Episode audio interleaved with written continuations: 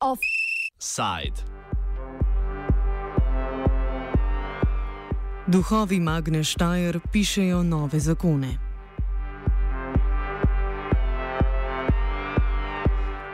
Odbor za gospodarstvo je danes obravnaval predlog zakona o spodbujanju investicij. Vlada se v predlogu zauzema za izboljšanje razmer investitorjev pri pridobivanju državnih spodbud in izenačitev med tujimi in domačimi investitorji. Nekatere slovenske nevladne organizacije in društva ostro nasprotujejo izpostavljenemu predlogu zakona. Kot opozarjata društvo EkoKrog in Umanotera, je prevladujoč problem predloga zakona prav v legalizaciji mehanizmov razlastitve, ki naj bi bili osrednji namen predloga zakona. Tako se zdi, da si vlada prizadeva vzpostaviti zakon, ki bo preprečil težave z zagotovitvijo zemljišč investitorjem, kot se je zgodilo v primeru Magne Štajer.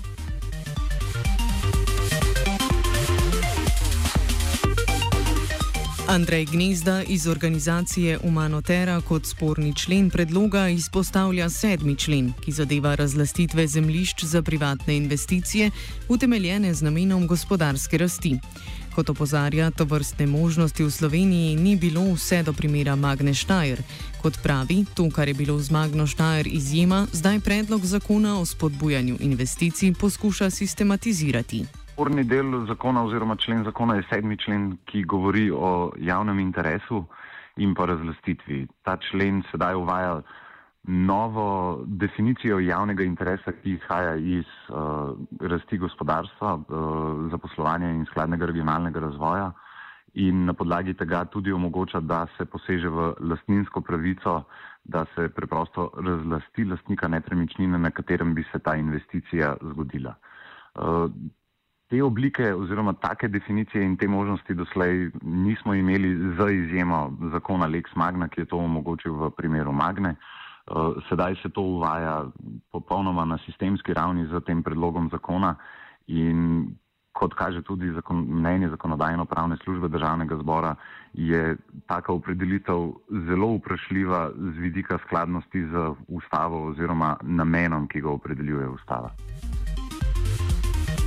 V primeru Magne Štajer v Kočah je gradnjo poleg ekološke vprašljivosti pozicije objekta oviralo tudi nasprotovanje prodaji kmetijskih zemljišč strani tamkajšnjih kmetovalcev. Slednjim je tako grozila razlastitev, ki bi bila ustavno vprašljiva.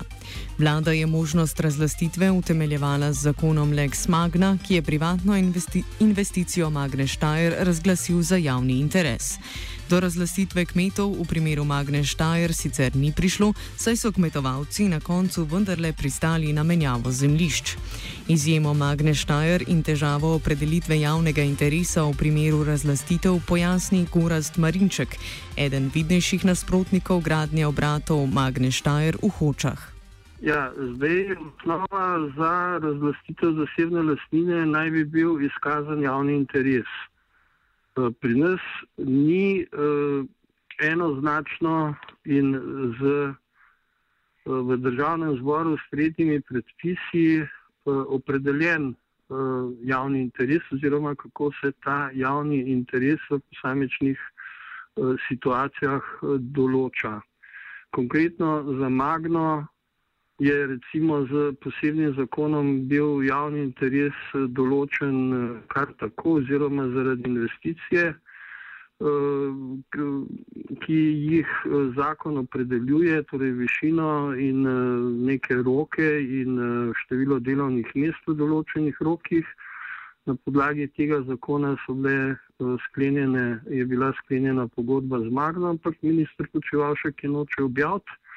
In eh, tukaj, češ, da Magna zahteva, da se ne sme objaviti, se bo postavilo vprašanje javnega interesa. Ne? Eh, ta pogodba je sklenjena na osnovi javnega interesa in zdaj ta javnost, ne, v imenu katere je bila sklenjena, nima pravice do dostopa do te pogodbe, da videla, če dejansko ta pogodba sledi določilom zakona, ki je bil v imenu javnega interesa v državnem zboru sprijet. To je recimo en vidik. Drug eh, vidik konkretne situacije za Magno seveda je, ali lahko eh, dokumenti, torej podzakonski akti, eklatantno kršijo sam zakon. Reci, konkretno zakon o vodah 69. člen izredno in enoznačno prepoveduje kakršne koli nevarne snovi na vodovarstvenih območjih. Iz tega sledi, da je uredba uh, o vodovarstvenem uh, območju, uh, na katerem leži uh, torej Magna, uh, protizakonita, ravno tako občinski prostorski načrt in uh, posledično vsa zakonodaja iz tega sledi. Tukaj uh, je nezakonita. O tem se recimo Ministrstvo za okolje in prostor, ki bi po nadzorstveni dožnosti moralo neskladje podzakonskega akta odpraviti, ukolikor nasprotuje osnovnemu predpisu, zakonu, eh, tega do zdaj še ni storilo. In eh, v tem smislu je vsa investicija, ki se trenutno dogaja v Hočah eh, v zvezi z Magno in z nameravom na Kinico, nezakonita. Trenutno je razlastitev v Sloveniji mogoča le z namenom zagotovitve prostora javnim infrastrukturnim objektom, medtem ko bo predlog novele zakona ob možnem sprejetju omogočal razlastitev v primeru zasebnih investicij.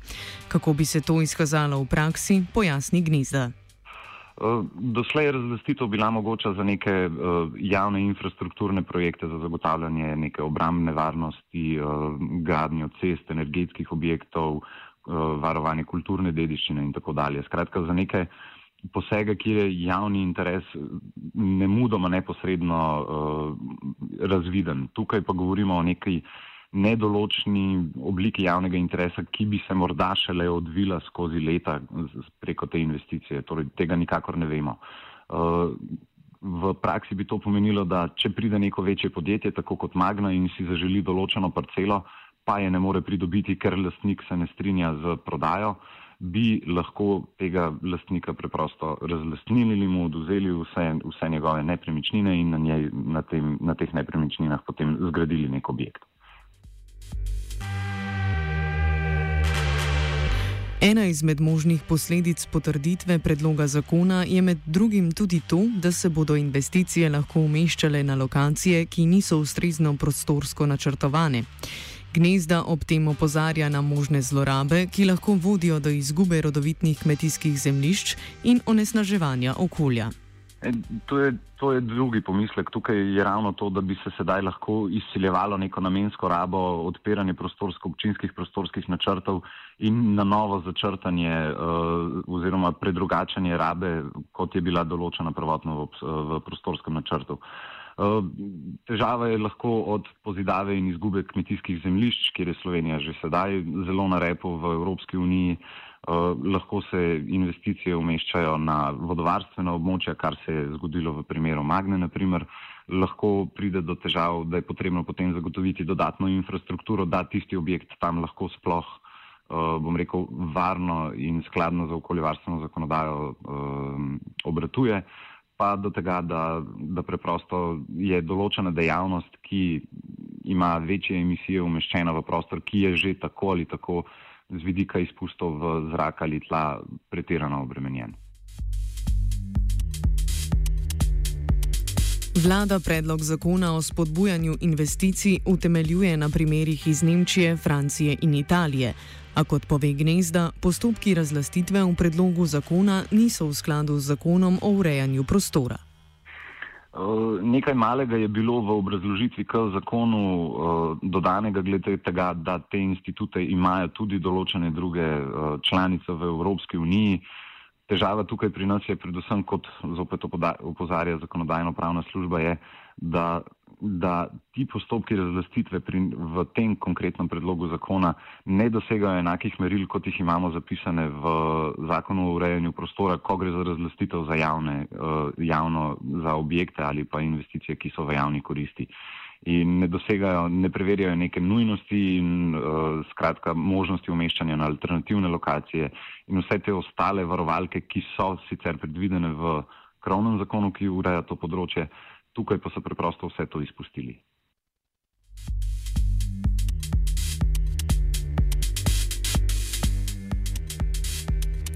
Marinček prav tako ni seznanjen s tem, da bi druge članice Evropske unije izvajale razlastitve zemljišč na to vrsten način.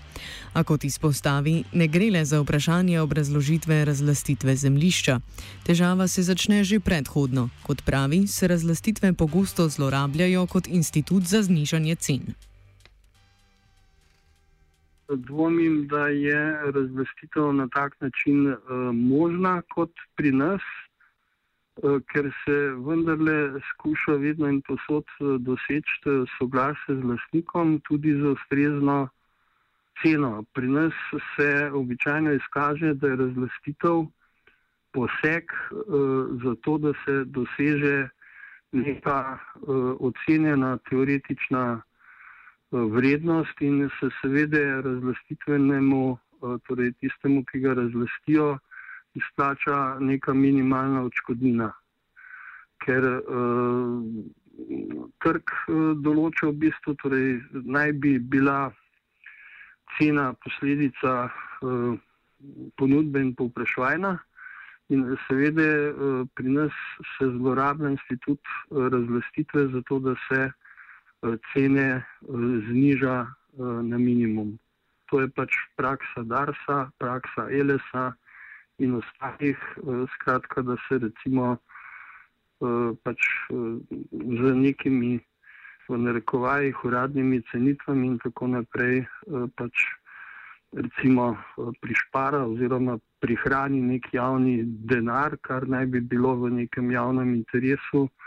In zaradi tega, dokler gre tukaj za infrastrukturne posege in tako naprej, bi človek morda pogojno še to razumel. Eh, ko gre pa za privatna sredstva, kot v primeru Magne, je pa to popolnoma izven uh, zdrave pameti. Prihod Magne Štajer v Slovenijo je pri zagotavljanju pogojev strani vlade Republike Slovenije leta 2016 rodil zakon Lex Magna, ki zdaj služi kot zakonodajni precedens predloga zakona o spodbujanju investicij. Uroš Macerl iz društva EcoKrog opozarja predvsem na to, da razlastitev nima mesta v zakonu, ki naj bi spodbujal investicije. Kot pravi, v društvu ne nasprotujejo ostalim členom predloga zakona, kot so investicijske spodbude v obliki nepovratnih sredstev in subvencioniranih obrestnih mer. Zakon med drugim predpisuje tudi zahtevano vrednost investicije in število novih delovnih mest, da se določena investicija začne obravnavati kot investicija, ki je v javnem interesu. Društvo EcoKrog nasprotuje zgolj novim mehanizmom razlastitev, ki ne morejo biti razumljene v luči javnega interesa. Predstavljajo se neki novi, uh, novi, novi um, razlogi za, um, za razlastitev. Ne? Tako, v bistvu, nekako, ko zgolj nekako gospodarska, potencijalna gospodarska rast in pa zasebna vlaganja uh, predstavljajo razlog, zaradi katerega je možno razlastiti tega se do zdaj seveda ni bilo in se nam zdi zelo sporno. Ne? Da tudi neke zasebne investicije, ki, uh, ki jih potem uh, prikažejo kot uh, javni interes, gospodarsko rast, uh, delo, uh, delovna mesta, da to pač postane razlog za razlastitev. To se nam zdi znotraj tega zakona ne mogoče urejati. Ker v bistvu mi pridemo do primera, ko ena zasebna lastnina ogroža drugo zasebno lastnino. Ne. Seveda je, se postavlja tudi vprašanje, ali ta večja gospodarska rast, uh, je, ali, je, mislim, ali to res tudi javna korist. Ne. Ker večja gospodarska rast lahko seveda pomeni tudi sam hitrejše in pa večje izkoriščene narave okolja in pa seveda tudi večje pritiske in izkoriščene ljudi. Večja gospodarska rast lahko žal pomeni tudi to, kar se v zadnjih letih zelo kaže. Ne? Samo povečanje dobička uh, določenih elit, ne? od tega pa večina povprečnih ljudi nima nič.